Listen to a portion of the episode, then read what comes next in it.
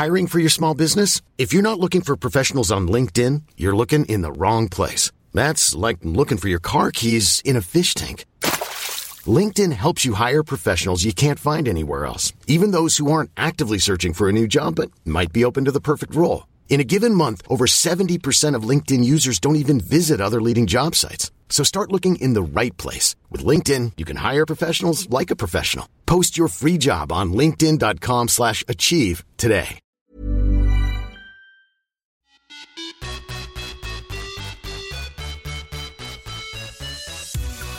Hej och välkomna till ännu ett avsnitt av podden Viss och Svärm on the run. Jag som pratar nu heter Josefin Svärm och vem har jag på andra sidan? Här sitter Sara Viss. Är allting bra med dig? Det är bra. Jag tror det är bra att vi kör en liten repetition om vem som är vem ibland. För att det kommer ju nya lyssnare Ja. och jag tror inte att det är svårt att skilja våra röster åt. Vi har både olika dialekter och jag är nästan konstant hes. Ja. och, eh, så. Men jag tror att det är bra för att har man inte lyssnat på oss tidigare så vill man ju ändå veta vilken röst som kopplas till Ja, vem. vad heter hon som pratar östgötska och vad heter hon som pratar åländska?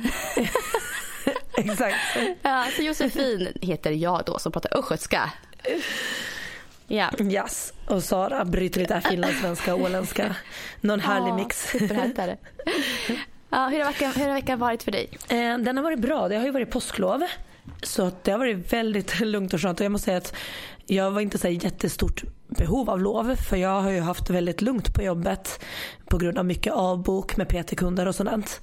Eh, och sen så hade jag ju dessutom tagit ledigt torsdag, fredag från jobbet för att vi skulle åka till Åland. Vilket vi inte kunde göra nu. Men det gjorde ju att jag inte hade bokningar torsdag, fredag.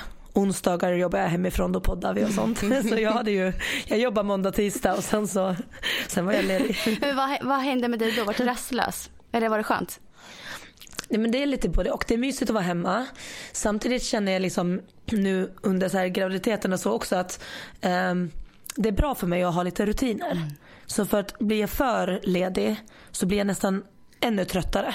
För att jag inte har någonting att förhålla mig till. Känner ni det? Eh, så att, ja, så att jag varit eh, lite eh, trött men jag har försökt passa på att vila på dagarna och sådär.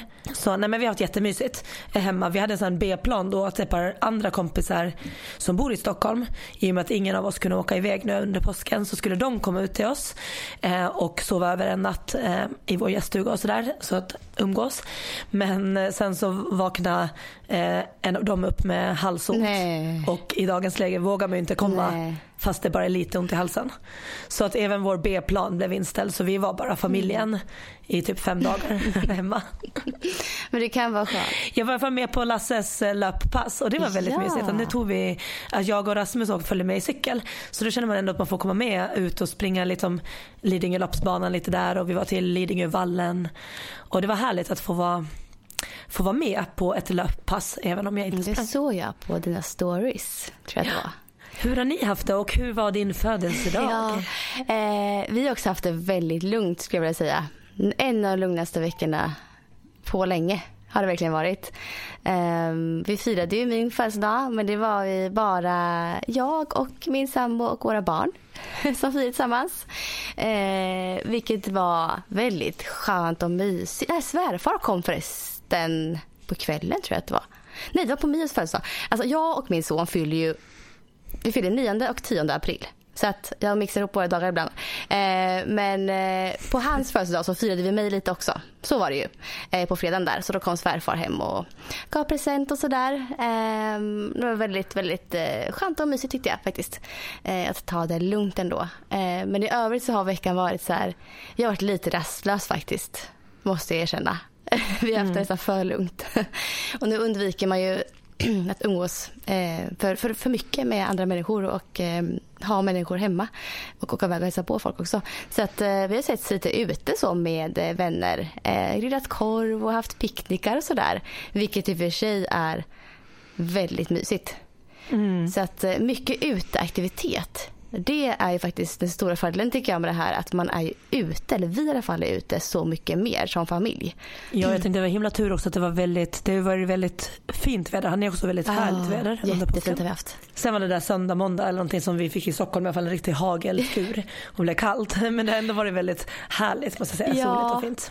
Och sen gick jag in i så väldigt skön energi här i morse kan jag säga. För jag var ute och sprang tidigt. Klockan sex var jag ute i morse och sprang. Ehm, jag älskar ju att gå upp på morgonen och springa. Ehm, innan min familj vaknar upp i alla fall. De går upp klockan sju. Så klockan sex gav jag mig ut och han springer åtta kilometer med inslag av 850 meter sprint. Som jag lovade att jag skulle få till förra veckan. Det blev nu istället. Jag såg det på, på Instagram i morse och så tänkte jag så här, nu känner du dig stressad för att ja. du hade poddat. och du behövde göra det klockan sex nu på morgonen. Ja, jag tänkte inte på det förrän jag var ute och sprang. Bara, nu har jag chansen här att köra de här sprinten innan jag kommer tillbaka och vi ska podda igen. Så det gjorde jag. Ja. Så nu kommer jag in med härlig energi här kan jag säga. Idag i alla fall. Mm. Ja. Men jag tänker att det där var ändå godkänt för egentligen borde man ju ha till nästa poddavsnitt på sig och inte bara tills det släpps. Jag tycker med det. För då vet ju inte de andra vad som ska Nej, göras. Så en vecka har vi på oss då säger vi. så vi har ju liksom till ja. nästa. ja helt rätt. Då, då var det godkänt för mig ändå då, kan man säga. Ja, hur kändes det då? Hur ja, kändes det i fot och alltså, knä och så? Nej, att springa alltså, snabbt? Jag börjar ju känna mig hel igen. Jag vågar inte säga det högt. eh, sista mm. två veckorna har jag liksom inte ens du vet, tänkt på foten. Och det är ett tecken på att något har hänt. För det har varit en känning hela tiden och jag har typ glömt bort att jag är skadad. Eller har varit skadad. Jag kom mm. på det jag sprang i morse nu. När jag kom hem så frågade min sambo så här, hur gick det? Hur kändes foten? Jag bara, foten? Nej, det kändes ingenting. Så. Eh, och även när jag körde sprint och kom upp på fotbladet mera så kände jag inte heller. Jag gjorde, det gjorde liksom inte ont. Nej, jag, så jag hoppas att eh, det här var ett tecken på att jag snart är fri från eh, fotskadan. Knät är också är så mycket bättre. Eh, det var ju någonting som eh, fysion sa till mig att knät kan ta längre tid att återhämta sig ifrån. För det är meniskskador, det kan ta lång tid. Men det är liksom, nu kan jag sitta och skotta rätt så långt ner liksom. Det har jag inte kunnat göra förut. Och när jag springer så jag känner typ inte av knät någonting faktiskt. Nu. Mina skador börjar lägga sig lägligt till våren är här. Så jag hoppas få till mycket löpning nu, alltså vår sommar. Det känns bra. Men kör du fortfarande som rehab och de här bålövningarna som du fick alltså, och sånt? Det jag gör egentligen, jag kör inte så enskilt sådana bålövningar nu. Eh, men jag tänker hela tiden på att aktivera hela bålen. Så fort jag liksom rör mig mm. eh, så tänker jag på att verkligen spänna, eh, hela bålen används som vi pratade om, det här med cylindern.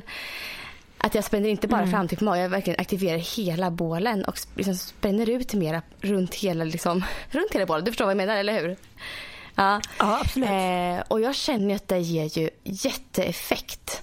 Eh, jag kan se ibland sen när jag, jag körde styrkeövning, så jag, den här jag la upp på Instagram för ett tag sedan jag körde air squat och hoppade. Där ser jag att mitt högerknä faller in lite i hoppen.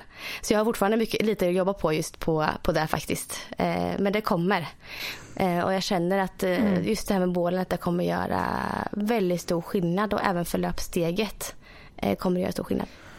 Gud vad bra, för då har du också, jag tänker att det är sådär man vill att en rehab eller övning ska bli, att man vill att det ska ändra ett mönster mm. eller tänk så att det kommer med i ja. allt du gör och inte bara medan du rehabbar. Nej, och det liksom. kommer ske, alltså det sker naturligt nu för mig att jag gör det. Även om jag går en promenad så spänner jag liksom bålen på rätt sätt. Eh, på ett helt annat sätt mm. än förut. Jag känner att min bål har blivit bredare faktiskt. Det känns så. Ja. eh, jag känns lite smal på så här kort tid. Det känns ju lite konstigt att säga så men det känns som att min bål har liksom vidgats på något sätt. Eh, Mm. Kan bero på det. Men jag upplevde också att det blev så ganska snabbt när jag började träna med, med bredda mm. bålen. Och det är ju lite samma aktivering som jag gör nu under graviditeten också för att störa upp. Den som jag vet att många reagerar väldigt mycket för magen ändrar så stor form när jag gör den. Att det ser ut som att min gravidmage blir mycket, mycket mindre. Ja gud ja. Men det, Ja, vissa blir till och med oroliga så bebisen ska bli Klämd. mosad och klämd. Ingen risk för det. men, det men grejen är den att det är också så här, dels kan den inte bli det, men också det där att den blir ju samtidigt när den blir så plattare så blir magen bredare. Ja. Så det finns utrymme mm. mer åt sidan men det gör, jag gör ju lite samma grej. Att jag breddar midjan och då kommer automatiskt stödet, alltså så att det trycks in mm. lite. Och då ser det ju ut som att magen blir mm. plattare. Men den blir ju samtidigt mm. bredare och får den här stabiliteten. Exakt. Bra ja, grejer. Men yeah. du, jag tänkte, här, vi har ju fått lite eh, tips och så från lyssnare på ämnen och sånt som vi ska prata om.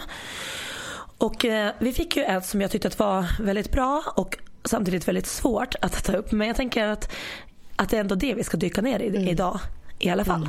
Mm. Så jag tänker att jag börjar med att läsa upp eh, frågan som kom till oss. Och den går så här. Hej, lyssnade just på er podd som jag gör varje vecka. Ni, ni efterlyste tips på ämnen. Vet att jag önskat detta innan men jag ger inte upp så lätt. eh, jag önskar ett avsnitt om hypertyreos. Hur ska man tänka vid träning, kost och så vidare. Jag blev diagnotis diagnostiserad för cirka ett år sedan men får inte riktigt bukt på med eh, med det och vet att många med mig känner samma sak. Allmänläkaren jag har mött har lite för lite spetskunskap och på nätet möts jag möts man av en massa mer eller mindre tillförlitliga tips och råd. Det är en djungel helt enkelt. Vill så gärna komma tillbaka till mitt gamla jag så gott det går med viktstabilitet, ork, glädje, energi eh, med mera. Tack så länge. Mm. Så den frågan. Och min första, i och med att hon skrev också att det var inte första gången hon har frågat om det. Och det är ju lite så här som hon själv skriver att läkaren saknar spetskompetens eller kunskap av det. Och då känner jag att vi kommer ju kanske inte kunna ge mer än vad hon hittar på nätet och vad läkaren kan. För att vi har ju inte heller någon vad säger man, Nej, utbildning precis. eller fördjupad kunskap inom det här. Så, att, så att, att det blir ju lätt att vi ger samma blandade tips och råd som man hittar på mm. nätet. För det är ju ofta så att de som finns där är vad som har funkat för någon men inte för någon annan och därför blir det luddigt för det finns så lite vetenskapliga studier som visar att det här skulle funka på mm. alla. Precis. Och då blir det här jättesvårt så jag tänkte nästan strunta i den här frågan igen. Ja. Men så slog det mig att vi har ju lite andra erfarenheter i alla fall. Eh, du kan väl berätta lite om din erfarenhet av köldkörtel. Eh, rubbning, mm. vilket det här ja. är. Jo men det är så att eh, jag har motsatsen egentligen till hypertyreos. Jag har hypotyreos. Eh, och det är också en rubbning i sköldkörteln. Eh, och eh, jag ska bara liksom läsa upp lite här vad hypotyreos är. Det här är taget från 1177 så det är ganska så tillförlitligt ändå. Um, Hypotyreos, som jag då har, eh, det är brist på sköldkörtelhormon. Och sköldkörteln den producerar hormoner som påverkar nästan alla kroppens funktioner. Men om sköldkörteln tillverkar för lite hormoner så kan man alltså få hypotyreos. Och hon som skrev nu har ju alltså tvärtom. Den, den tillverkar för mycket hormoner som får hypertyreos. Men vid hypotyreos så får man låg ämnesomsättning och kroppen går liksom på lågvarv hela tiden. Det finns lite olika slags hypotyreos. Det vanligaste är att bristen på det här hormonet beror på kronisk sköldkörtelinflammation. Och det är det som jag har. Jag har Hashimoto's disease, eller Hashimoto's sjukdom. Och det är alltså att jag har en kronisk sköldkörtelinflammation. Och då påverkar immunförsvaret organen och det ger en bestående inflammation i sköldkörteln som gör att funktionen långsamt försämras. Och då krävs det en liksom livslång behandling. Jag äter ju Levaxin till exempel. Och det kommer jag göra hela livet.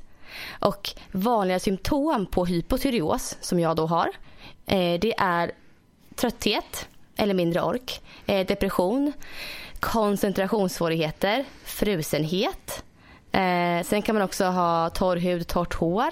Eh, förstoppning är vanligt. Viktökning, minnessvårigheter, långsam hjärtrytm, ont i leder och muskler och svårare att eh, få barn. Det är de vanliga symptomen på hypotyreos. Och jag tänkte på hon hypertyreos där. Trötthet är också vanligt för båda de diagnoserna egentligen.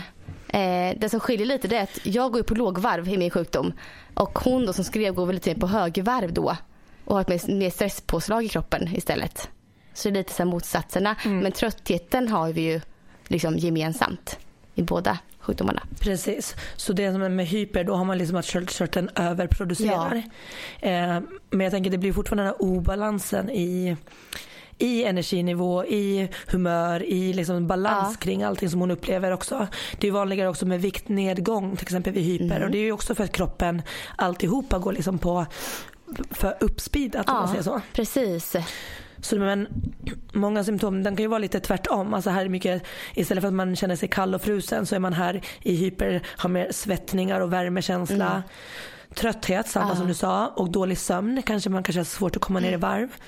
Menstruationsrubbningar, hjärtklappningar, ökad puls, darrningar, aptitlöshet, viktnedgång, nervositet, oro, lätt att gråta. Alltså det, det finns mycket eh, symptomer och de kan också vara ganska svåra att tyda eh, till en början. Liksom att, att förstå vad det är. Absolut. Så, så det vi har nu tänkt det här avsnittet då. Det är ju faktiskt att prata lite framförallt om dina upplevelser.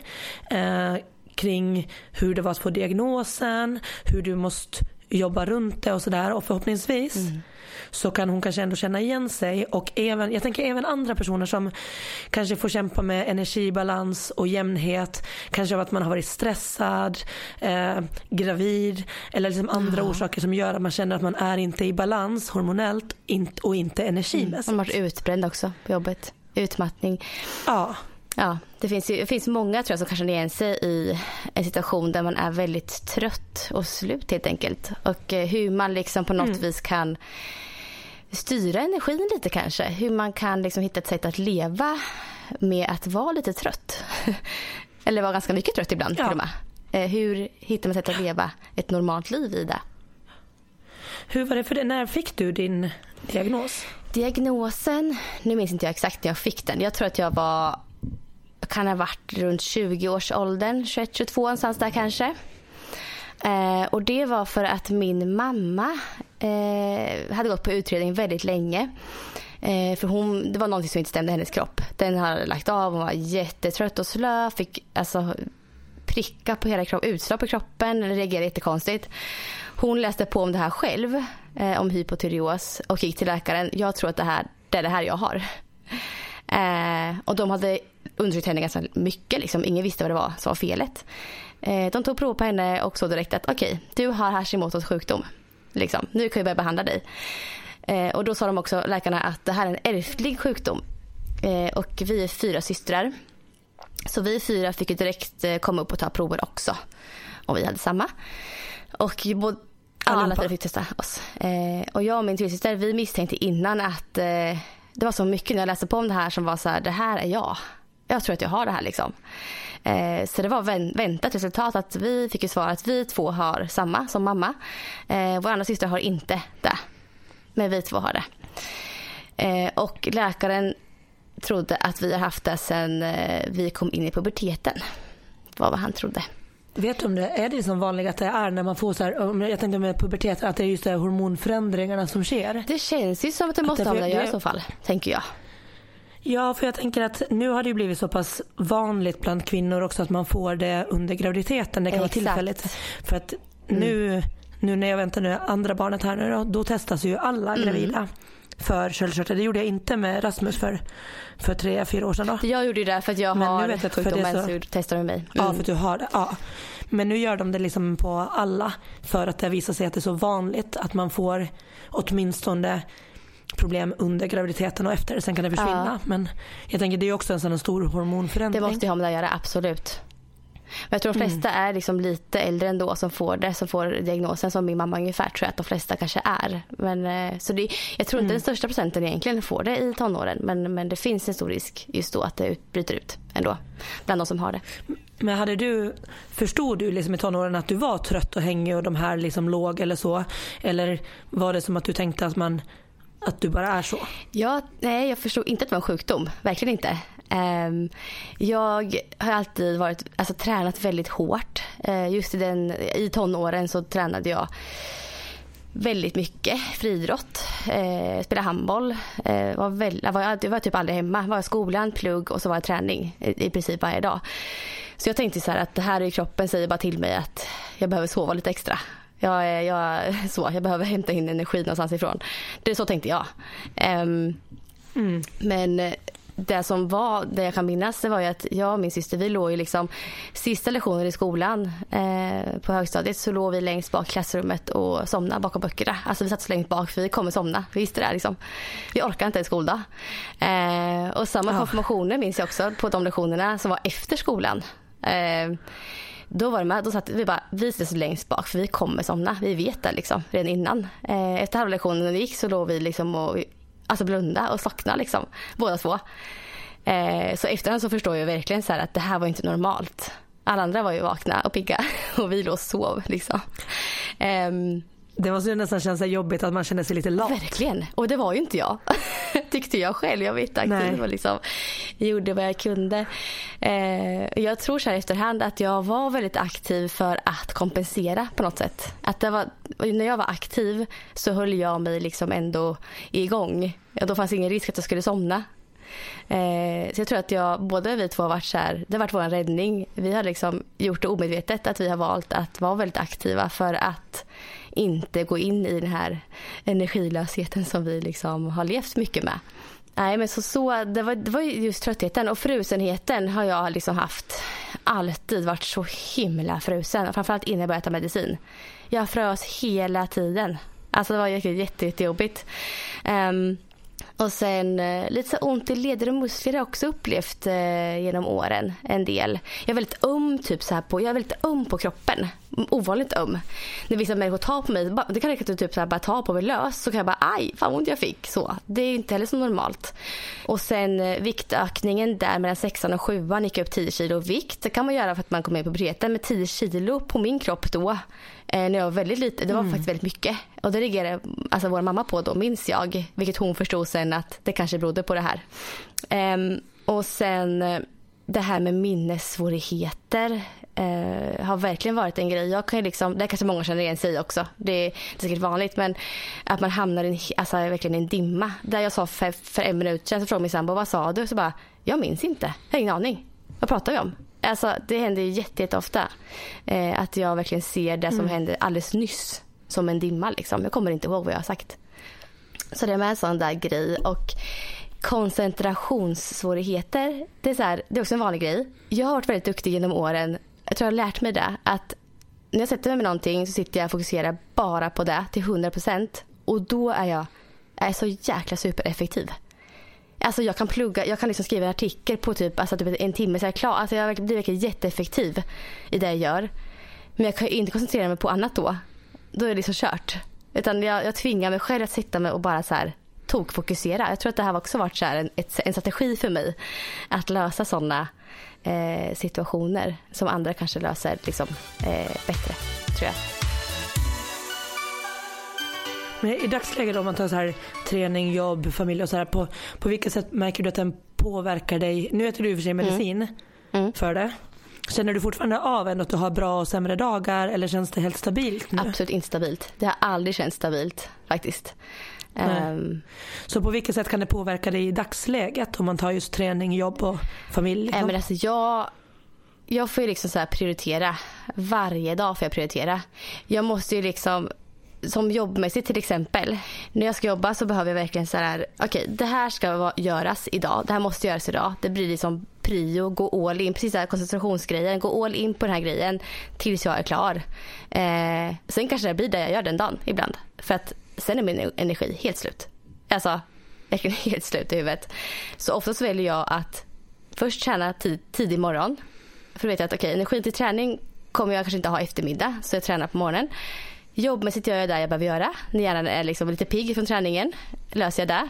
Eh, jobbar så länge som jag orkar. Oftast så blir det en ganska kort jobbdag. Eh, I alla fall eh, timmar i sträck så blir det inte så långa. Eh, och sen när barnen kommer hem från skolan så vill jag vara så pigg som möjligt. Vilket ibland är väldigt, väldigt svårt. Eh, men då vill jag liksom helst ha alltså, träning och allting gjort. Så att jag kan vara med dem. Ibland kan det vara så också att jag har sprungit ett långpass en söndag och vill vara med familjen och fokusera på dem efteråt. Ibland har typ inte det gått för att jag är helt urlakad efter ett tvåmilspass kanske. Under tiden så räcker energin till just då, där och då.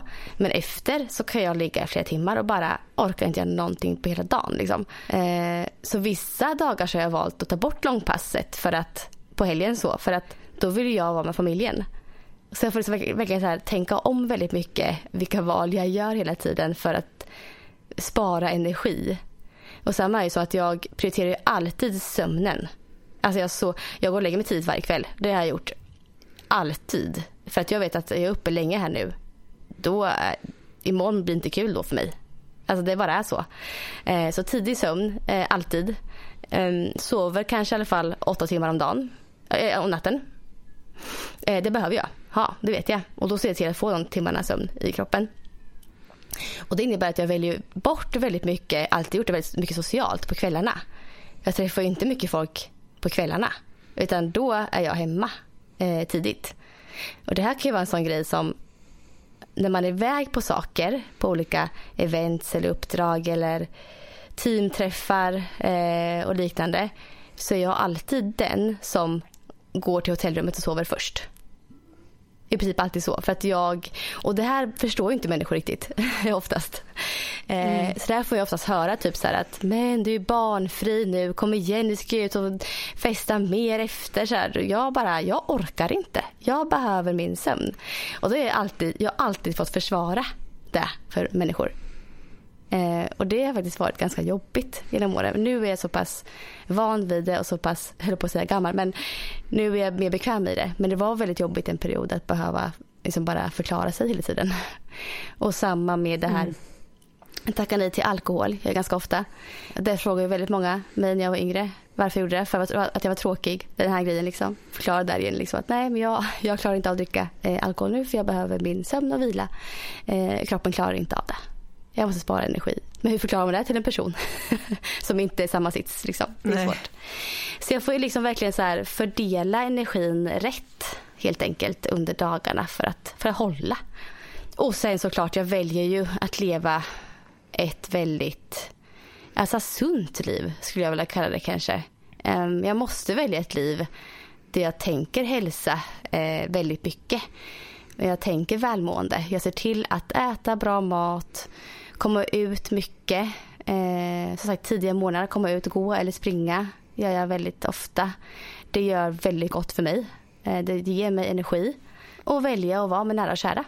Det är det jag prioriterar egentligen. Det, tror du att det är därför också? Jag funderar så här, det här med att du sällan har följt eh, träningsprogram. Mm.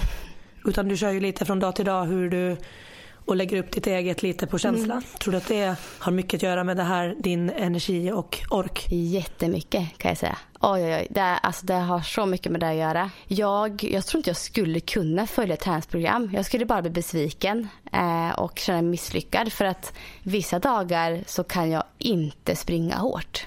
Alltså det, kroppen säger bara nej, nej, nej. Det kan till och med vara så att jag ibland behöver börja gå. Eh, fast jag är så pass van löpare. Så jag, det är därför jag också går, in och, går ut ofta och bara så springer på känsla och säger, tänker så här, ah, men vi får se vad det blir idag. Hur långt det blir, det vet inte jag när jag går ut. Det visste inte jag i morse. Jag tänkte fem från början. Började jogga sakta, stanna lite på vägen för att kolla på utsikten, sprang vidare. Sen efter typ fem kilometer då kom jag igång. Och då bara, fan ska jag rätt stark idag? Ja, men då ökar jag på lite. Så jag körde två stycken snabba 500 mitt i. Jag körde sprinten som jag visade upp förut på, på stories. Eh, och eh, spurta hem. Så att idag var en stark dag. Men det visste inte jag när jag gick ut. Men det blev en stark dag. Mm. Så att det, jag kör väldigt mycket träning eh, på det sättet eh, och följer inte program. Och det är samma när folk frågar mig om typ löpdejter. Jag ser att det är väldigt många som är ute och springer tillsammans eh, och jag gör det ibland. Jag hänger på löpgänget ibland i Motala. Väldigt sällan på grund av det här. Eh, men någon frågar mig så här, men ska vi bestämma löpdejt nästa lördag klockan alla? Då blir jag så här, nej det kan vi nog inte göra. Vi kan inte bestämma det nu. För jag vet inte hur jag känner mig då energimässigt.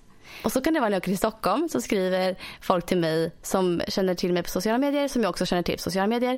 Eh, vi har kontakt så. Ehm, Ja men du, när du kommer upp nästa gång så vi kör ett pass ihop. Och det vill jag jättegärna direkt bara säga ja till. Och bestämma en tidpunkt och allting. Men jag har ju så himla himla svårt för det. På grund av just det här. Jag har ju ingen aning om vart jag är då energimässigt. eh, just den dagen nästa vecka klockan tio. Det går liksom nästan inte för mig att bestämma för då, får ju, då är risken att jag gör folk besvikna och ställer in istället nära en på. Och det vill jag inte heller göra. Nej. Så jag springer mycket själv, jag har alltid gjort det egentligen. Så det är så, man tänker inte på det här när man bara följer någon person utifrån. För man tänker ju att, jag tror att de flesta tänker dig som en person som kan springa halvmaran vilken mm. dag som helst. Och typ alltid har det här leende mm. på läpparna. Och liksom gör träningen för att den ska göras. Och du är så disciplinerad och så här mm. ändå. Men men nu kommer jag också förstå hur mycket det krävs runt omkring för att du ändå ska kunna le och njuta av din löpning. Alltså för det är det ja. inte. Du är, man, alltså, du är ju naturligt glad löpare men du får ju jobba väldigt mycket runt omkring för att det ska vara naturligt och glatt. Det är verkligen så sant. Alltså jag tror att de flesta som följer mig eh, och min löparresa så, de tror ju att jag är världens energiknippe och liksom kan gå ut och mm. springa halvmaran när som helst. Och att allt är så enkelt så för mig. Eh, det är ju inte så. Mm. Jag, jag, får ju verkligen kämpa med att få ihop det. Eh, och jag får kämpa med min energinivå. Det är ju den grejen som jag alltid hela mitt liv kommer få kämpa med. Och då behöver jag göra prioriteringar i livet. Och funkar det inte att springa en dag så gör det inte det. Så det är verkligen så här, känna in dagsformen hela tiden för mig som, som gäller. Och när, så att man har, jag har familj och barn liksom också. Det gör ju väldigt mycket att jag vill ju, de är ju prio ett. Träningen är ju prio två. Så vet jag av så här, det här är ingen bra energidag, då tränar inte jag för att då prioriterar jag att vara med barnen, den energin jag har. Så så får jag ju tänka mm. väldigt mycket. Ja, för det blir skillnaden om du hade verkligen så här velat satsa, satsa på löpningen. Men då hade du kanske behövt ha ett sånt liv där det är så här att du vet att du kan genomföra din träning men då kan du behöva ligga på soffan resten av dagen och inte vara social. Men, och det valet kan ju, eller vill ju du såklart inte ta nej. nu. Och jag, helt ärligt så tror jag ändå inte att jag någonsin skulle kunna elitsatsa. Alltså skulle, min kropp skulle aldrig klara av den träningsmängd som det krävs för att bli alltså mitt bästa jag skulle inte ens klara jag, jag skulle ju önska att jag kunde lägga upp så här ett schema på, jag inte, 8-9 mil i veckan. Jag har aldrig varit uppe så mycket. Men det går inte. Min kropp skulle aldrig klara det. Jag har legat på en mängd som är ungefär 5 mil i veckan hur länge som helst. Det är liksom, det vet jag att 5 mil i veckan, det klarar min kropp av.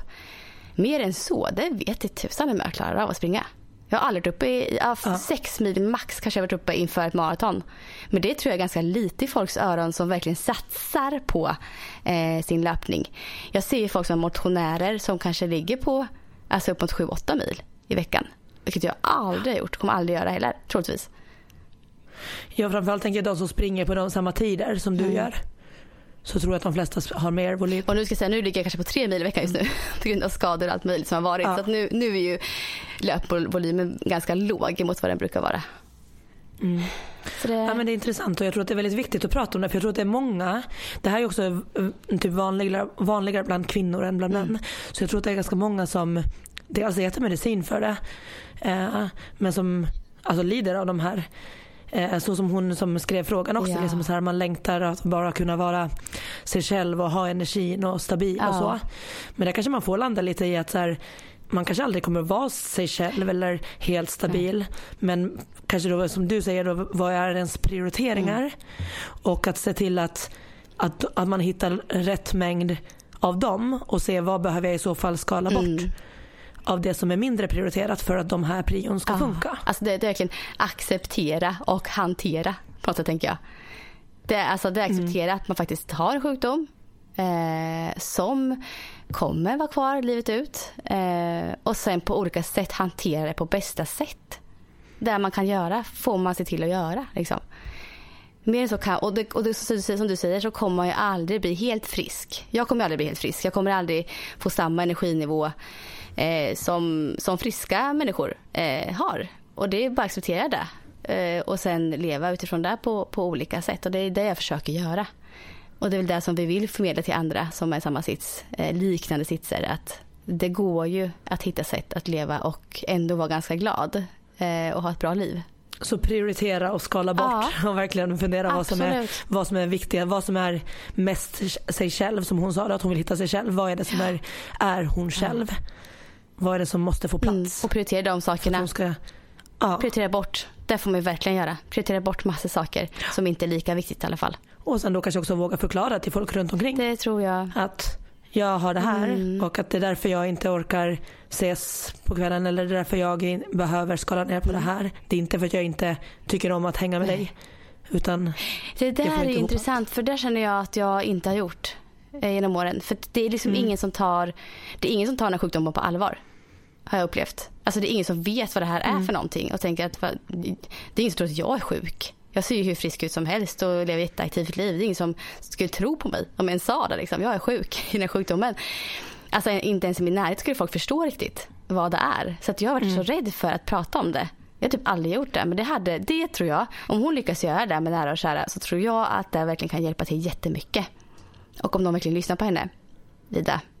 Ja, för det är också svårt att förstå. Alltså även om man vet om det så tänker jag att det är svårt att förstå. Mm. Men ännu mer om man inte vet ja, om det. Så det behöver ju komma upp för att man ska ens börja kunna prata om det och faktiskt få förståelse för det. Det är jätte, jätteviktigt. Mm. Och du Sara, du har ju Fan, du har en syster som också har den här som har den sjukdomen som mm. Jag vet inte om hon har Hashimoto's sjukdom eller om hon har alltså för det, det är det som jag har inflammerad sköldkörtel kroniskt. Eh, eller om hon har en annan typ av hypotyreos. Ja, vi får se vad hon säger sen. Jag tror precis. Vi ska ringa upp henne och prata lite med henne eh, efter också. För jag känner ju till det här mycket via henne. Det är min lillasyster. Min mamma har också. Som du säger, så det är vanligt att det går mm. ärftligt. Min storasyster hade under graviditeten, eh, hon blev ju mamma för andra gången här i oktober. Jag är faktiskt osäker på om hon fortfarande äter medicin. Det har jag faktiskt inte frågat. Men hon fick i alla fall på de där testerna man tog då eh, att hon behövde medicineras under graviditeten. Mm. Så jag har ju det många runt omkring mig och jag har trott flera gånger att jag har haft det. För att jag känner igen mig jättemycket i, i eh, symptomen. Mm. Eh, Däremot så har jag, jag har ju testat och jag har inte vad man sett. Eh, däremot tror jag att, att, det är därför jag tänker att andra kan känna igen sig också i form av att jag tror att det här var då 2015 så tror jag att, eh, att jag var nära på att gå in i väggen. Ja. Eh, jag tog aldrig tag i det och liksom, så, eh, liksom så här, blev sjukskriven av det. För att i samma veva så drog jag av ledbanden i foten och blev sjukskriven på grund av det. Oh. Vilket gjorde att jag fick automatiskt pausa. Mm. Men då kan jag känna igen det här med att spara energi och för sen dess är det som att jag alltid också måste balansera upp. Mm. Och jag kan inte ha för mycket, jag måste liksom ja, hela tiden liksom leva i balans. Jag kan till och med behöva så social återhämtning. Mm. Jag måste också sova mycket på nätterna. Så jag tror att, eh, att nu säger jag inte att det är exakt samma, men jag tror att tänket behöver vara lite likadant för mig. Att jag klarar inte av när det blir för mycket på en dag eller under en period.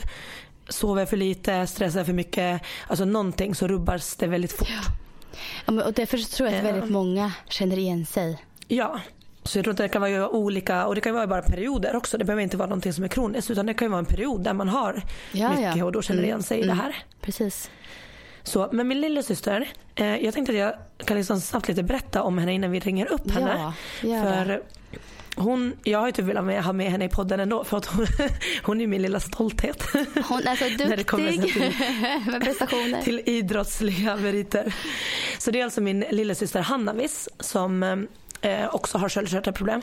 Och hon är fyra år yngre än mig så hon är yngst av oss. Um, och det är liksom hon som kanske har så här, eller hon har ju presterat bäst i friidrott av oss tre. Vi alla har ju hållit på mycket. Uh, min stora syster har aldrig varit så tävlingsintresserad. Uh, jag har ju försökt uh, och bli så duktig som möjligt. Men det är nog Hanna, lillsyrran, som har haft liksom det långsiktiga tänket och liksom verkligen satsat rejält. Mm. Hon har liksom alltid haka på oss vad vi har gjort. För vi håller på med gymnastik, vi håller på med friidrott och vi håller på med, med alla idrotter och hon har ju alltid hakat på fast hon har varit yngre. Mm. Och jag tror att liksom varken hon eller vi, alltså vi tog nog alla lite för givet att hon skulle kunna samma saker fast hon var fyra år yngre. Så för hon har ju alltid liksom fått liksom prestera jättemycket och varit med på alla möjliga grejer och framförallt tränat med folk som har varit äldre än henne. Eh, så jag tror inte att vi förstod nog inte liksom hur stark hon var för sin Nej, ålder. precis. Sen var det så här, så började vi hur vi alla kom lite in på friidrotten var att så här, på somrarna var vi uppe i Finland, uppe i Österbotten. Och där fanns det så här knattetävlingar. Jag tror det var varje onsdag eller något sånt. Och det var som friidrottsskola fast det var liksom alltid, det var alltid tävlingar. Man, man gjorde olika grenar varje gång. Men man kom bara dit och var med på det och det kunde man vara typ från fyra års åldern. Eh, och så var det liksom inget mer än så. Men då var vi med på dem alltid. Så det var ju där hon hade bara på somrarna då hållit på med friidrott en gång i veckan. Och sen precis när jag slutade, när jag var 18, då var hon 14 och då tänkte hon så här, nej men nu skulle jag vilja ändå börja prova också eh, friidrotta som Sara och lite så här testa på riktigt och tävla. Så hon åkte på sitt första finska mästerskapen junior då som 14-åring och då var det i 14-årsklass. Och där tog hon silver på 100 meter. vad, vad sa ni andra då? Och det, Hur var reaktionen? nej men det var så här, va? För jag hade ju varit så här jättenöjd de åren som jag tog mig till final i längdhopp. Alltså, så där. alltså jag hade ju inte tagit någon medalj.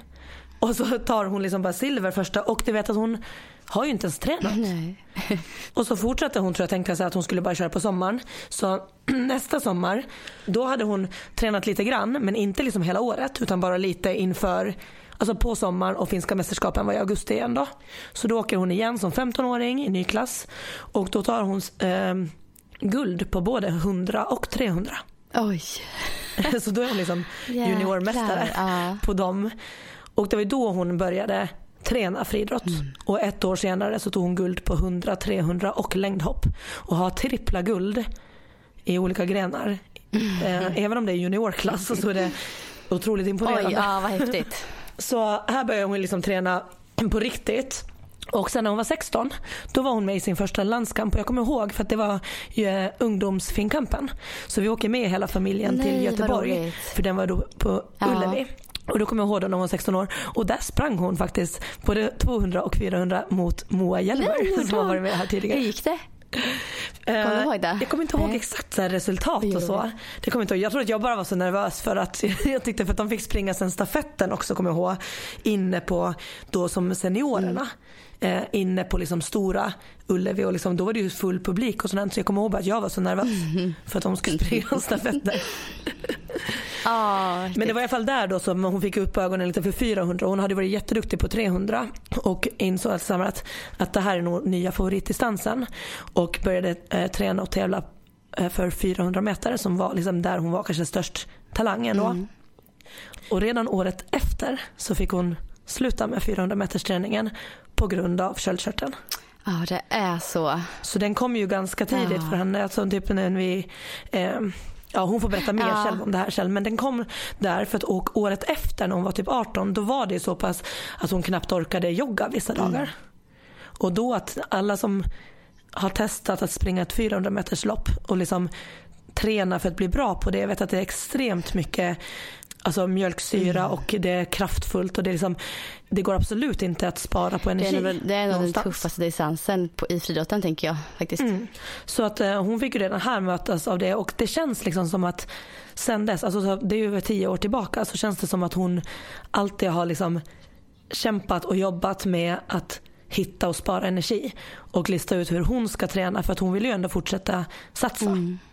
Så det känns som att hon har liksom ägnat halva sitt liv nästan och blivit expert på just det här som vi har Ja. pratat med. Hur kan hon träna och ta sig runt eh, det här och fortfarande prestera inom idrotten men att ändå orka vara glad och ha ett vanligt liv också. Det är jätteintressant att höra om ju. I och med det jag sa förut också att jag Ja. tror inte jag skulle kunna klara- klara av att göra en elitsatsning. Nu är inte jag på den nivån, jag har inte den talangen heller. Men jag tänker att det är jäkligt bra gjort eh, av henne tänker jag att ändå kunna hålla i en så pass bra satsning som hon har gjort med sjukdomen. Så det blir kul att höra henne prata om det här tycker jag. Hon var typ 18 när det här var och jag menar det är ändå så här många år. Jag vet 400 meter har inte kommit tillbaka men hon har fortsatt med kortsprint och längdhopp och trots det här så har hon ändå liksom, hon har ju även medaljer på seniornivå på eh, finska mästerskapen och hon har varit med i Finnkampen också representerat Finland då, vilket man gör från Åland. Eh, både 2014 och 2016 så att hon har ju verkligen ändå kunnat tackla det och tagit sig runt på kanske på ett annat sätt än vad planen var. Ja, Jag tänker att jag tror att ni kommer ha jättemycket gemensamt också och känna igen er. intressant. Så vi, vi gör så att vi ringer upp och hör hur, vad hon har kommit fram till med sin satsning och köldkörtelproblem.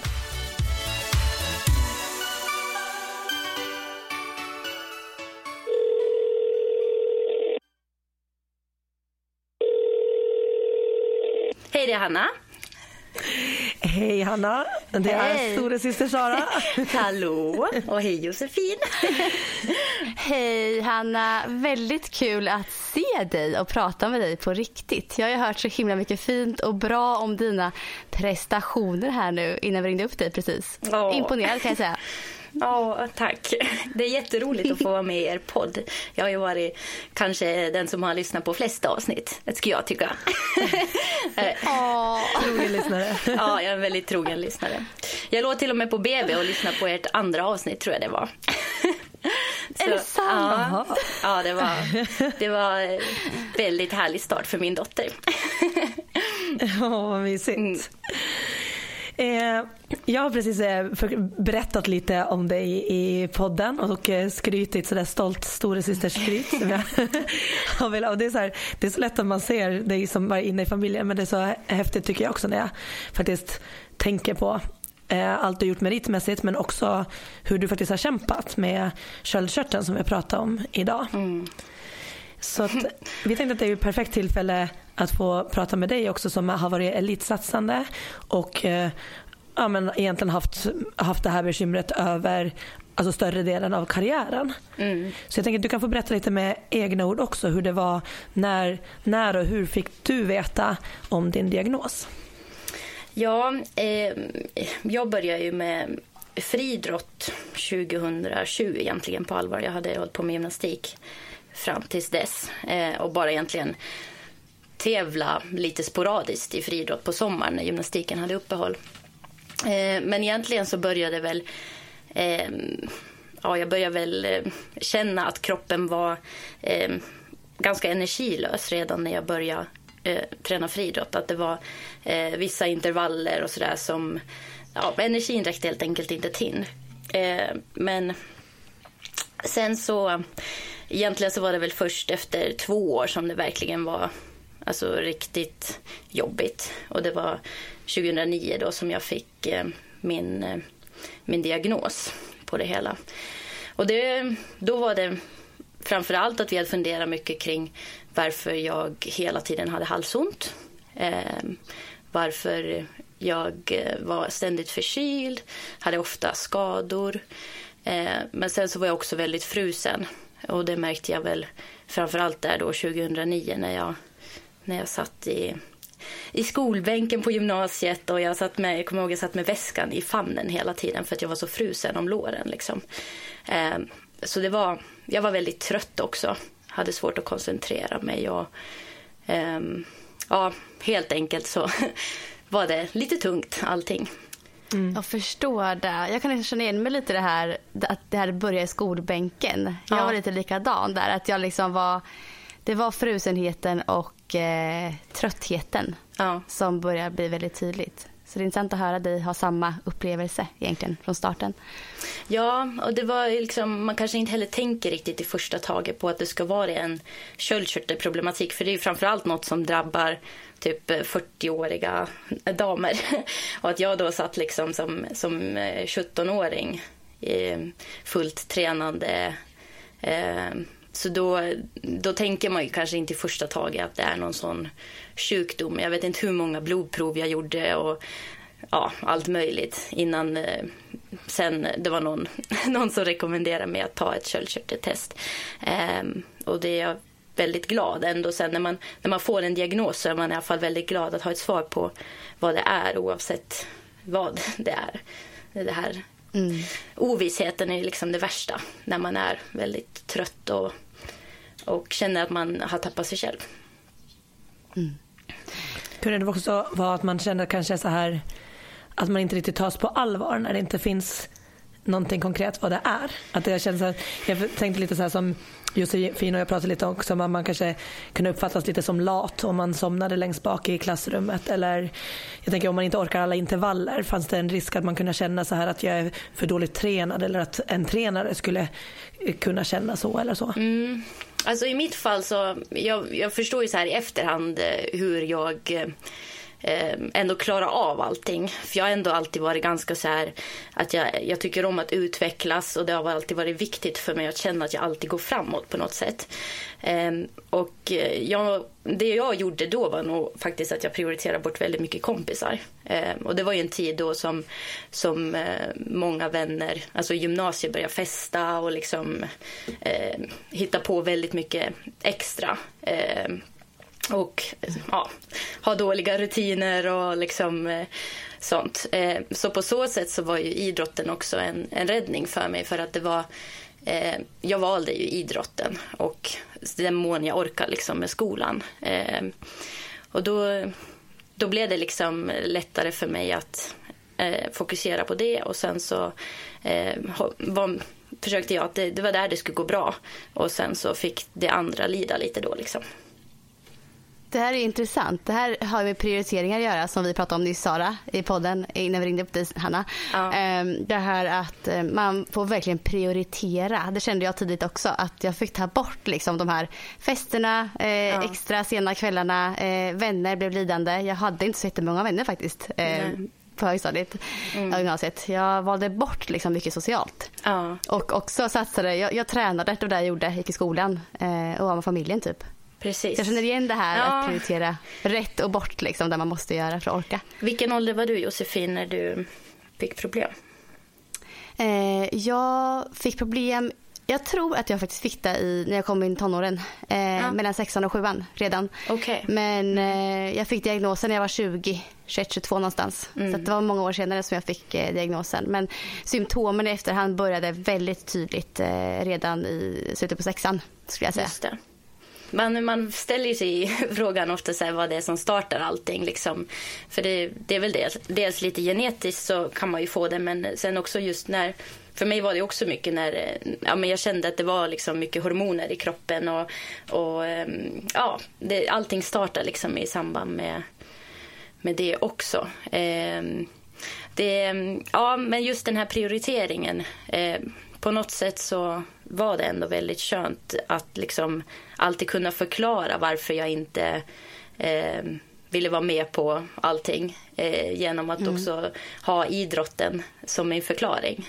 Men det var ju också så att jag tyckte att det var det som gav mig mest. Att jobba mot ett mål på något sätt och, och känna att jag ändå fick göra mina träningar bra. Eh, Hur gammal var du här? Det var 2009. Ja, när, alltså, när jag fick diagnosen då var jag 17, 18 var jag. Ja, hade precis fyllt 18. Mm. Ehm, och det var ju då i samband med, det var öspel på Åland. Om, om ni har många trogna lyssnare i dagens avsnitt så vet de ju vad öspelen är. Ehm, men det var öspel på hemmaplan ehm, och jag fick diagnosen en och en halv vecka innan öspelen. Och eh, ja, men då var det liksom väldigt, eh, då var det väldigt illa. Eh, jag kommer ihåg att jag hade liksom problem att, att jogga 300 meter runt gräsplanen och, som uppvärmning. Och jag kommer också ihåg när vi tränade stafett så somnade jag på, på banan.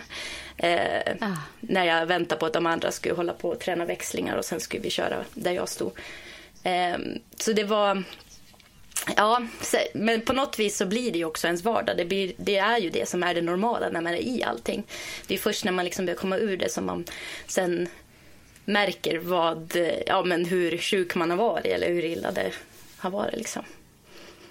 Men hur, hur kunde du hantera alltså att, att få diagnosen mitt i din elitsatsning? Hur, hur kunde du hantera det? Ja, alltså på något sätt så... Först och främst så ska jag säga att jag har egentligen aldrig varit den som har eh, strävat mot OS eller VM eller så. Utan jag hittade en, eh, faktiskt en intervju eh, från 2000, ja men precis då när jag började med friidrott hemma hos mamma och pappa. Så hittade jag den i somras och då, då sa jag så här att jag, jag är glad om jag håller mig i, i toppen i, i landet, alltså nationellt. Att jag har inte någon ambition om att ta mig till OS eller VM, utan det är liksom jag tror det hade att göra med att jag inte ville bli känd eller något sånt där. inte, inte för känd. Jag tyckte att det verkar jobbigt det där. Ja, men i alla fall. Eh, och på så sätt så har jag liksom ändå varit nöjd med att jag alltid kan eh, försöka vara bland de bästa i landet. Um, så då kände jag liksom att så länge som jag kan försöka hålla det där jag är just nu så, så är jag nöjd och då gör jag vad jag kan för att liksom försöka ha den mm. nivån som, som, som är ungefär här. Det är det som har drivit mig ändå. Eh, jag tycker det har varit roligt att vara med i, i finska mästerskapen och i, i större sammanhang och ändå kriga liksom om, om landslagsplatser och, och så. Eh, så det, jag har ändå känt på något sätt att gör jag allt som prioriterar jag rätt och gör allt som, som jag kan så tror jag att jag klarar det. Men det krävs mer av mig än av någon annan som har det som ambition och inte är sjuk. Liksom. Mm. Men jag tänker om du samtidigt, det här var ju en ålder när ni börjar gå över mot senior så småningom och de flesta kanske ökar på sin träning mer och mer och det antar jag att du såg från sidan av och kände att det inte var möjligt för dig. Hur kändes det? Eller var det stressande? Eller hur kunde du jobba med det mentalt? Att veta att det är bara din plan som gäller för dig? Ja, alltså för mig har det ju, som jag sa innan, så har det alltid varit viktigt att liksom alltid utvecklas. Och på något sätt så har inte det alltid heller behövt vara kopplat till idrotten. Så medan många i min ålder valde att eh, kanske bara satsa på idrotten när de var 19 så valde jag att plugga vidare. Eh, och liksom känna att jag utvecklades på något annat ställe också. Då blev det inte så lika stor press på att idrotten skulle gå bra för mig. Men jag ville gärna liksom underhålla den och var, försöka vara på den eh, nationella högsta nivån. Eh, att jag liksom fortsatte där. Eh, så det jag gjorde var ju att jag började plugga till idrottslärare på GH. Ehm, och det blev några riktigt... I Örebro? Ja, i Örebro precis. Mm -hmm. Och det blev däremot så här, i efterhand en väldigt, väldigt belastning. Ehm, så då, det var nog mina kämpigaste år tror jag. För att det är ju en grej att liksom veta att man har den här sjukdomen. Det, då är det ganska skönt när man får beskedet. Men sen liksom att lära sig att acceptera det. Eh, att inte liksom bli besviken varje gång som jag sitter energilös och, och gråter och inte orkar göra någonting. Eh, det jobbet har ju varit ganska tufft liksom. Eh, innan, innan man har kunnat verkligen eh, acceptera att jag måste jobba på vissa sätt för att eh, kunna klara det här. Och då på GH så var det ju, ja men det var ju eh, då när vi hade som mest, då var det ju praktisk idrott från klockan 8 till klockan 17. Och sen så hade jag egen träning och så var jag också tränare. Och jag såg ju liksom inte allt det här då. Hur mycket fysiskt jag hade. Utan det är sånt som man så här i efterhand förstår att eh, ja, det där var inte så smart. och så pluggade jag till massör också utöver det. Ja, men, och extra jobba lite och sådär. Så det, är, det är sånt där som man liksom i efterhand ser också att eh, jag, har, jag har kanske gjort lite för mycket och haft lite för höga krav på för många ställen samtidigt. Eh, och det är ju det som är det stora jobbet liksom hela tiden. Att synliggöra och tydliggöra för sig själv var man har krav på sig själv och var jag inte har det. Eh, så att inte allting hela tiden handlar om att utvecklas och gå framåt. Men kan du minnas hur du mådde då under den tiden? Ja, alltså GH-tiden. Eh, jag kommer ihåg att det var ganska mycket så här, bara överleva eh, dagen. Eh, och det är också så här i efterhand som jag ser liksom hur, hur lite jag egentligen var i nuet. Eh, för att det var, det var så mycket eh, fysiska moment. Sen hade jag ju den här egna träningen också som jag såklart ville utvecklas inom och, och allt annat. Så jag, jag kommer mest ihåg att, eh, ja, men jag var väldigt eh, stressad, hade mycket, mycket magproblem. Eh, och sen så, sen så eh, har jag faktiskt lite minnesluckor från, från den tiden som eh, som det var som mest. Ehm, jag önskar av hela mitt hjärta att jag hade haft bättre koll på tekniker och, och verktyg som jag jobbar med idag för att också liksom få lite andrum och känna att jag kan njuta av det jag gör. Men ehm, ja, nej, men det var, det var väldigt tufft. Eh, allting kommer jag ihåg. Mm. Jag tänker, här hade du ju ändå diagnos och åt medicin. Så jag tänker både, den frågan är både till dig och Josefin. Jag menar när ni har fått diagnosen och medicin, har ni fått någon form av tips eller råd om vad som skulle vara bra att göra för att, för att må bra? Har ni fått något sånt? Nej. Jag svarar först. Ska jag börja? ja, men börja du. nej, nej, men nej, jag har inte fått eh, några som helst tips och råd och jag kan säga att jag, det finns ingen uppföljning på mig eh, på vårdcentralen. Det är liksom ingen som kollar mina värden. Det är som, som, eh, man hör liksom ingenting. Eh, så jag gissar att jag har rätt dos medicin men jag vet egentligen inte. Så jag skulle verkligen behöva gå till en och samma läkare och få mer hjälp känner jag. Mm. Vad säger du Hanna? Eh, ja, jag har ju verkligen aktivt försökt få hjälp. Eh, och det, ja, det, det är jättesvårt för att det är inte alla läkare heller som, som tar den på allvar. Eh, utan det är, ha, ha, många anser liksom att har man, har man medicin så, eh, och ligger på ett bra vä värde så kan inte de göra någonting mer. Liksom. Utan då, mm. då släpper de en om de ser att svart på vitt så ligger du på de värden som du ska ligga på efter att ha tagit medicin. Men alltså jag tycker väl att medicinen har ju såklart hjälpt mig men det som har hjälpt mig mest är ju liksom eh, mycket annat med, med stresshantering och liksom att synliggöra väldigt mycket för mig själv vad som, var jag ska lägga energin liksom. Och vad som ger mig energi mm. och vad som tar energi och försöka minimera sånt som faktiskt slukar väldigt mycket mental energi. Det är Men, precis så mm. jag jobbar också kan jag säga. Ja. Att man verkligen ja, men lägger energi på rätt saker. Eh, alltså prioriteringar som jag sa förut också. Ja. Det är det som gäller för mig.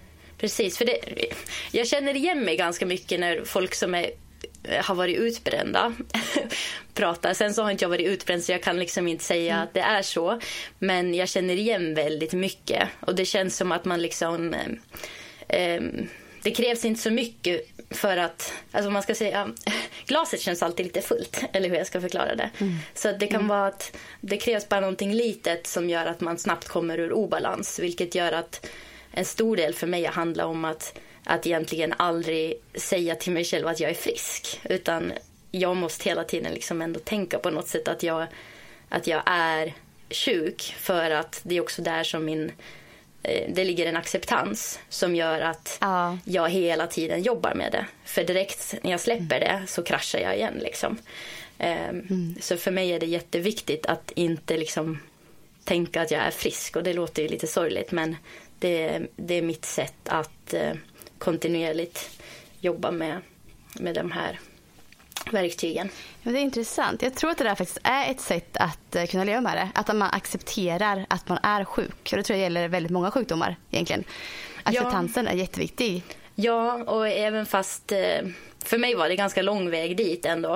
Uh, mm. och det är väl kanske mycket på grund av av idrotten också. Att ändå acceptera att jag inte kan träna precis som andra. utan att jag tänker ju så här att får jag samma program som andra idrottare tidigare. Nu, är jag inte i någon träningsgrupp just nu, men, men när jag var det. Om jag visste att jag fick exakt samma träningsprogram som, som de andra, då tänker jag att ja, det här är fel program för mig, eller så är det alldeles för lätt för er.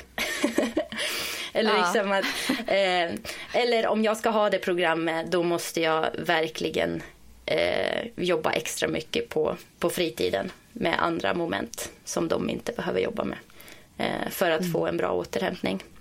Så eh, för mig har det varit jätteviktigt liksom att ha en bra återhämtningsplan. Så jag har egentligen vänt på allting och börjat i den ändan istället.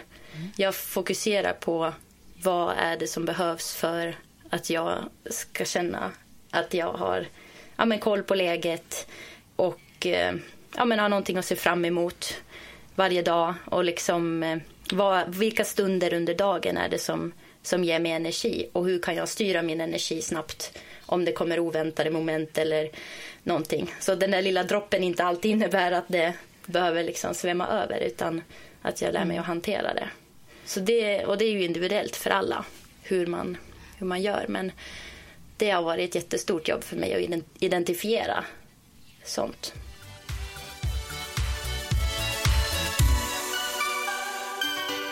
Jag tänkte så här, för det är ju väldigt ändå så speciellt att ändå fortsätta elitidrotta just men vi pratar om prestation och att, att liksom ha de kraven på sig samtidigt när man handskas med det här. Eh, har du någon gång känt att du har varit på väg att sluta med idrott på grund av det här? Vi vet att du, jag berättade att du slutade springa 400 meter mm. för att den träningen var för tuff för det här. Men har du någon gång känt så här, när jag kommer få lägga ner min dröm om att, att idrotta på den här nivån på grund av det här? Eh, ja, alltså ibland har jag väl känt att jag har kanske varit lite mer irriterad på att jag inte bara kan nöja mig med att eh, röra på mig och, eh, och bara träna för hälsans skull. Eh, så det som jag egentligen har gjort är väl framförallt att när jag har, de gånger jag har kraschat. Eh, jag har ju ställt in tävlingssäsonger också för att, för att jag har känt att det här är inte hållbart just nu. Eh, men då har jag helt enkelt tagit en paus. Eh, det är det jag har gjort. Men pausen har alltid varit i syftet att jag liksom jag tar en paus för att backa för att komma starkare tillbaks. Liksom. Att jag tar mm. pausen har gjort att jag liksom... En prestationspaus? Ja, men alltså... Ja, och det är En prestationsinriktad paus? Ja, fast när jag väl tar pausen så kanske jag ändå inte tänker så. Fast sen bara det går ett litet tag och jag börjar få lite energi igen så märker jag att jag, jag är ju där i det tänket. Liksom, att, mm. eh, jag tycker att det är väldigt, väldigt kul att liksom ja, men det här som friidrotten ger det är ju att eh, man får liksom samla alla sina tankar och energi till ett kort tillfälle och bara göra, ta ut allt under, under mm. det tillfället. Och det, det är väldigt härligt. Eh, men det är inte så härligt när man känner att man inte har energin. Nej, men har du svårt att så här, boka in tävlingar långt innan inför en säsong? Ja, det kan jag bli ganska, stress... det ja, det kan jag bli ganska stressad av. Ja, och samma sak med mm. målsättning. Ehm, mm. Egentligen så har jag väl framförallt eh, eh, behövt eh, ändra så att jag, jag sätter egentligen inte så tydliga specifika mål längre. Utan jag tränar väldigt mycket enligt syfte. Ehm, och det tycker jag har hjälpt jättemycket i allt det här. Ehm, så i olika perioder så har jag olika syften. Ehm, så i en period kan det vara till exempel att ja, bygga upp en bra grund. Eh, och det kan man göra på väldigt många olika sätt. Ehm, och ehm, på så sätt så, så, behöver jag inte känna att just idag ska jag göra det här. Utan ehm, jag kan jobba inom det eh, syftet på massa olika sätt. Vilket gör att jag ändå kan hålla igång min träning och alltid ta mig, ta mig framåt även fast jag inte följer en jättetydlig plan. Mm.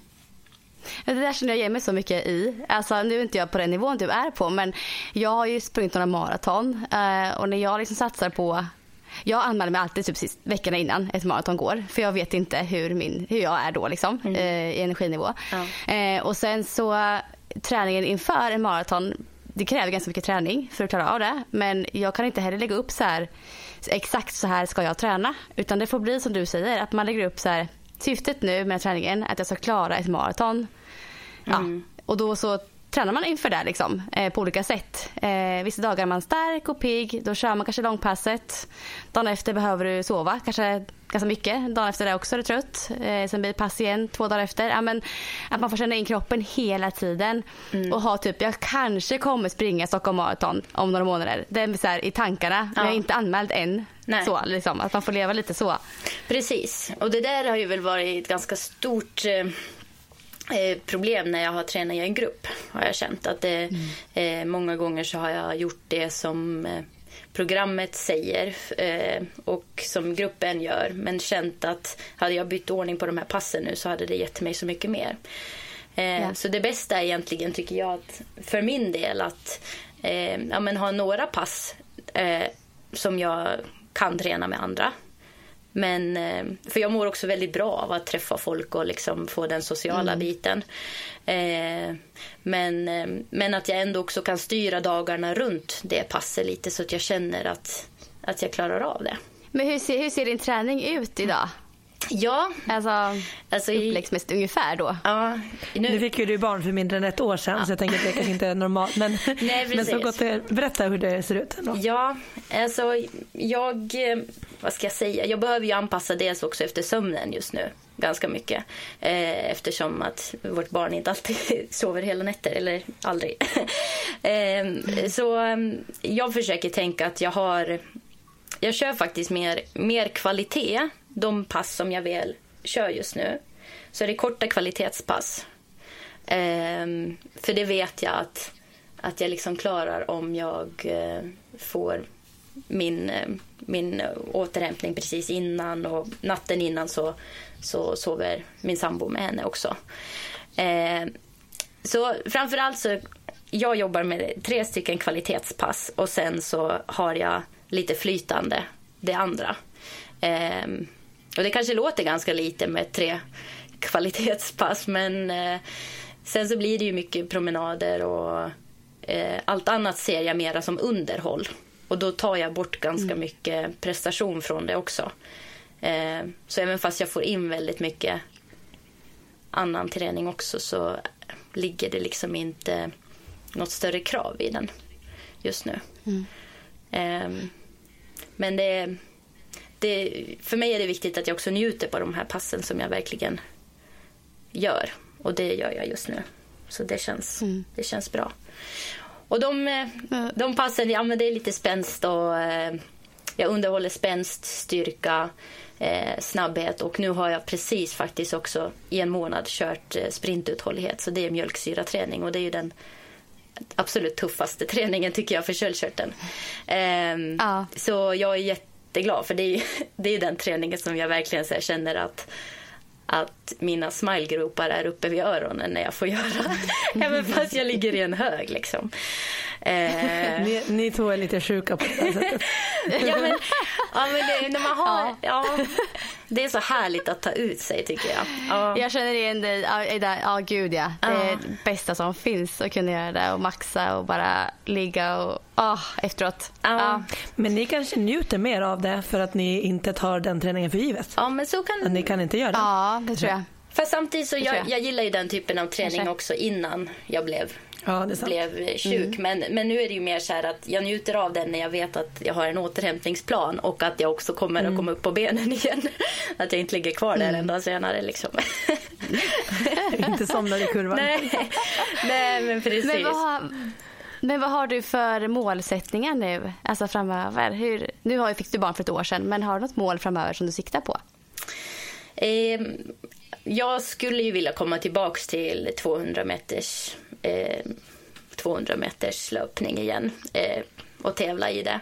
Eh, jag vet inte om Sara, hur mycket, du sa att du har presenterat mig lite innan.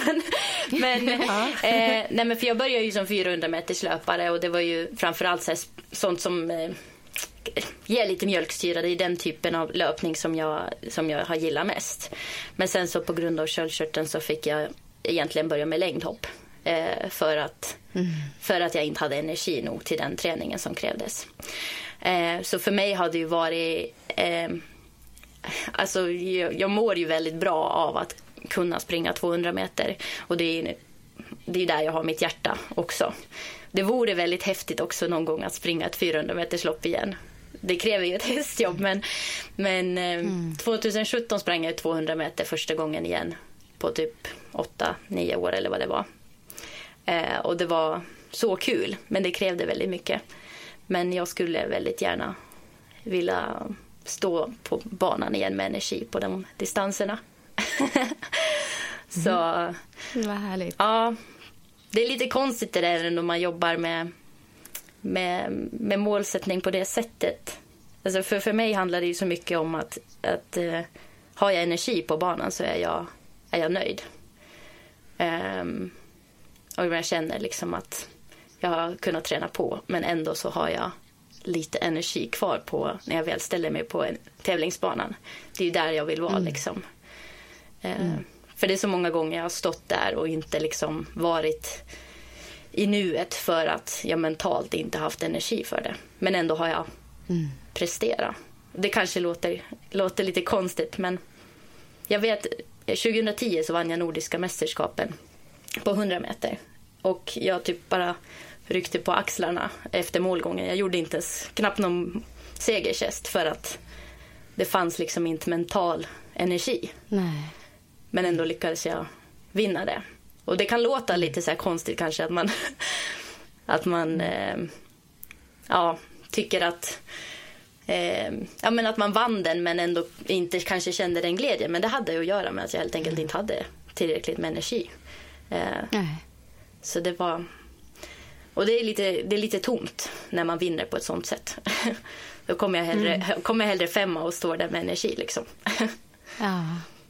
Mm. Ja, jag kan också minnas lite glädje. Alltså, nu var jag med 2017 när du tog ditt personrekord på 100 meter. Ja.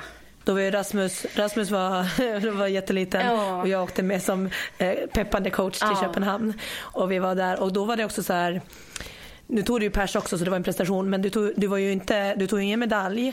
Men man såg i dina ögon innan loppet att mm. du visste att det skulle gå snabbt nu för att du hade den känslan i kroppen. Ja. Och man såg ju den energin som var där och glädjen under tävlingen och efter tävlingen. Mm. Fast det inte var liksom kanske din största merit Nej. så var det ju en helt en glädje och en stolthet över vad du gjorde på banan mm. den tävlingen och det var som att du visste innan att du kommer att springa bättre än någonsin. Mm. Uh, fast du typ kanske inte vågar säga det högt upp men det syntes ju på hela ditt kroppsspråk och på hur du njöt. Ja, ja men precis. Jag blir väldigt rörd över det minnet för det var ju faktiskt det var ju faktiskt första sommaren liksom som jag så här hade satt så många delar på plats liksom. Det var eh, dels eh, alltså, mental energi, hur jag hanterade den. Eh, sen hade jag också det året eh, kontaktat en kostrådgivare och började intressera mig väldigt mycket för hur jag optimerar energin. Eh, och bara att liksom ställa mig, eller åka till en tävling och känna liksom att hela kroppen är så himla laddad nu. Eh, mm. Ja, alltså det är ju så häftigt när man känner det. Liksom. Och då spelar, för ja. mig spelar placeringarna då liksom ingen roll. Utan det är ja, den där känslan att bara känna att man är, kroppen känns som ett krutpaket och det är bara att trycka på. Det är ju liksom, ja, det är ju så härligt. Gud vad, vad fint att se dig så rörd över den känslan. Alltså, här, jag, jag kan relatera alltså, till att alltså, så mycket man, som, man liksom får, får kämpa och liksom får spara energi. Och när den finns där en sån dag. Eh, hur mycket det kan göra ja. med alltså, upplevelsen. Det blir så mycket starkare tror jag för personer som kanske har kämpat lite på olika sätt. Eh, mm. Ja, men oh, det... Är det så fint att se? Ja, men eh, det tror jag verkligen. Och det man får vara försiktig med det är ju liksom desto bättre man blir, desto fler vill också lägga sig i ens träning. Eh, och det är också, mm. det är också jätteviktigt att när man känner att man är på rätt spår, att man verkligen liksom fortsätter på det.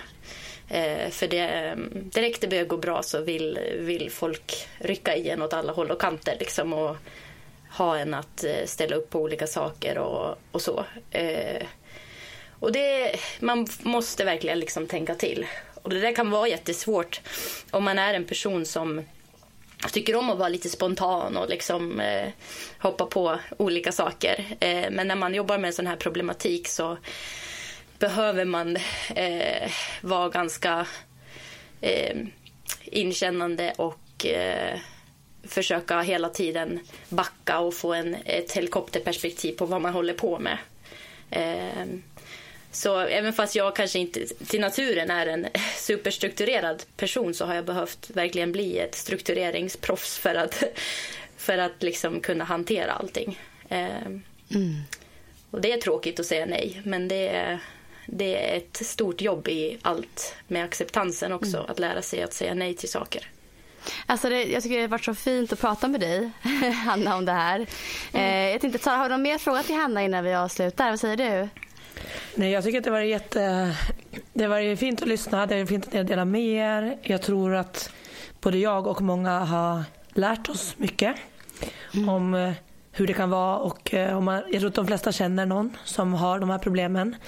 Jag tror också att många som vi pratar om som kanske har uh, varit utbrända, gravida, stressade av andra anledningar eller så periodvis så tror jag att man kan känna igen sig. Även om det mm. inte är en eh, livslång sjukdom så tror jag att många kan ha nytta av att höra hur ni har jobbat och jobbar konstant med mm. de här.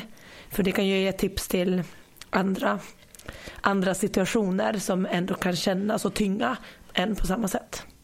Mm. Och det kanske kan vara skönt att se också två personer som jag och Hanna då som är aktiva ändå liksom och har, vi har ganska bra liv båda två skulle jag tro, eh, även fast vi lider av den här sjukdomen. Att, att det går faktiskt att hitta ett sätt att leva med den, även fast det inte är lika lätt som för andra men man kan hitta ett sätt att förhålla sig till den och eh, leva ett bra liv tänkte jag också. Mm. Absolut. Men sen tänker jag också så här, eh, om det är så att man är en person som eh, älskar att prestera och ser att man kanske ligger lite i farozonen eh, så tror jag att det är jätteviktigt att arbeta förebyggande i sådana här med, med mycket sånt som vi gör också. För ja. att man inte ska hamna mm. i någon form av utbrändhet eller så. Eh, så mm. att zooma ut lite ibland och, och, kolla vad man håller på med. mm. Jätteviktigt. Ja. Ja, men tack snälla Hanna för att du fick ringa dig och tack Sara för ett trevligt samtal idag. Tack att ni delar med er. Jätteviktigt ämne. Jättekul att vara med. Ha det så fint vi, ah, vi säger hej då till alla lyssnare också så hörs vi nästa vecka. Det gör vi. Hej då. Ha det så bra. Ha det bra. hej då.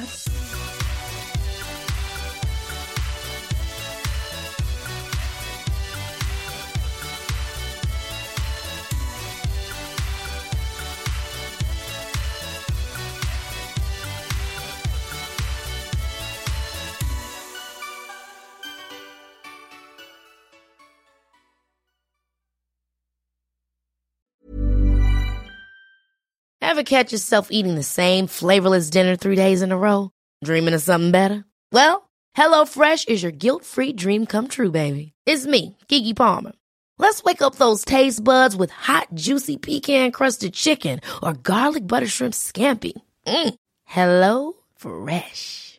Stop dreaming of all the delicious possibilities and dig in at HelloFresh.com. Let's get this dinner party started.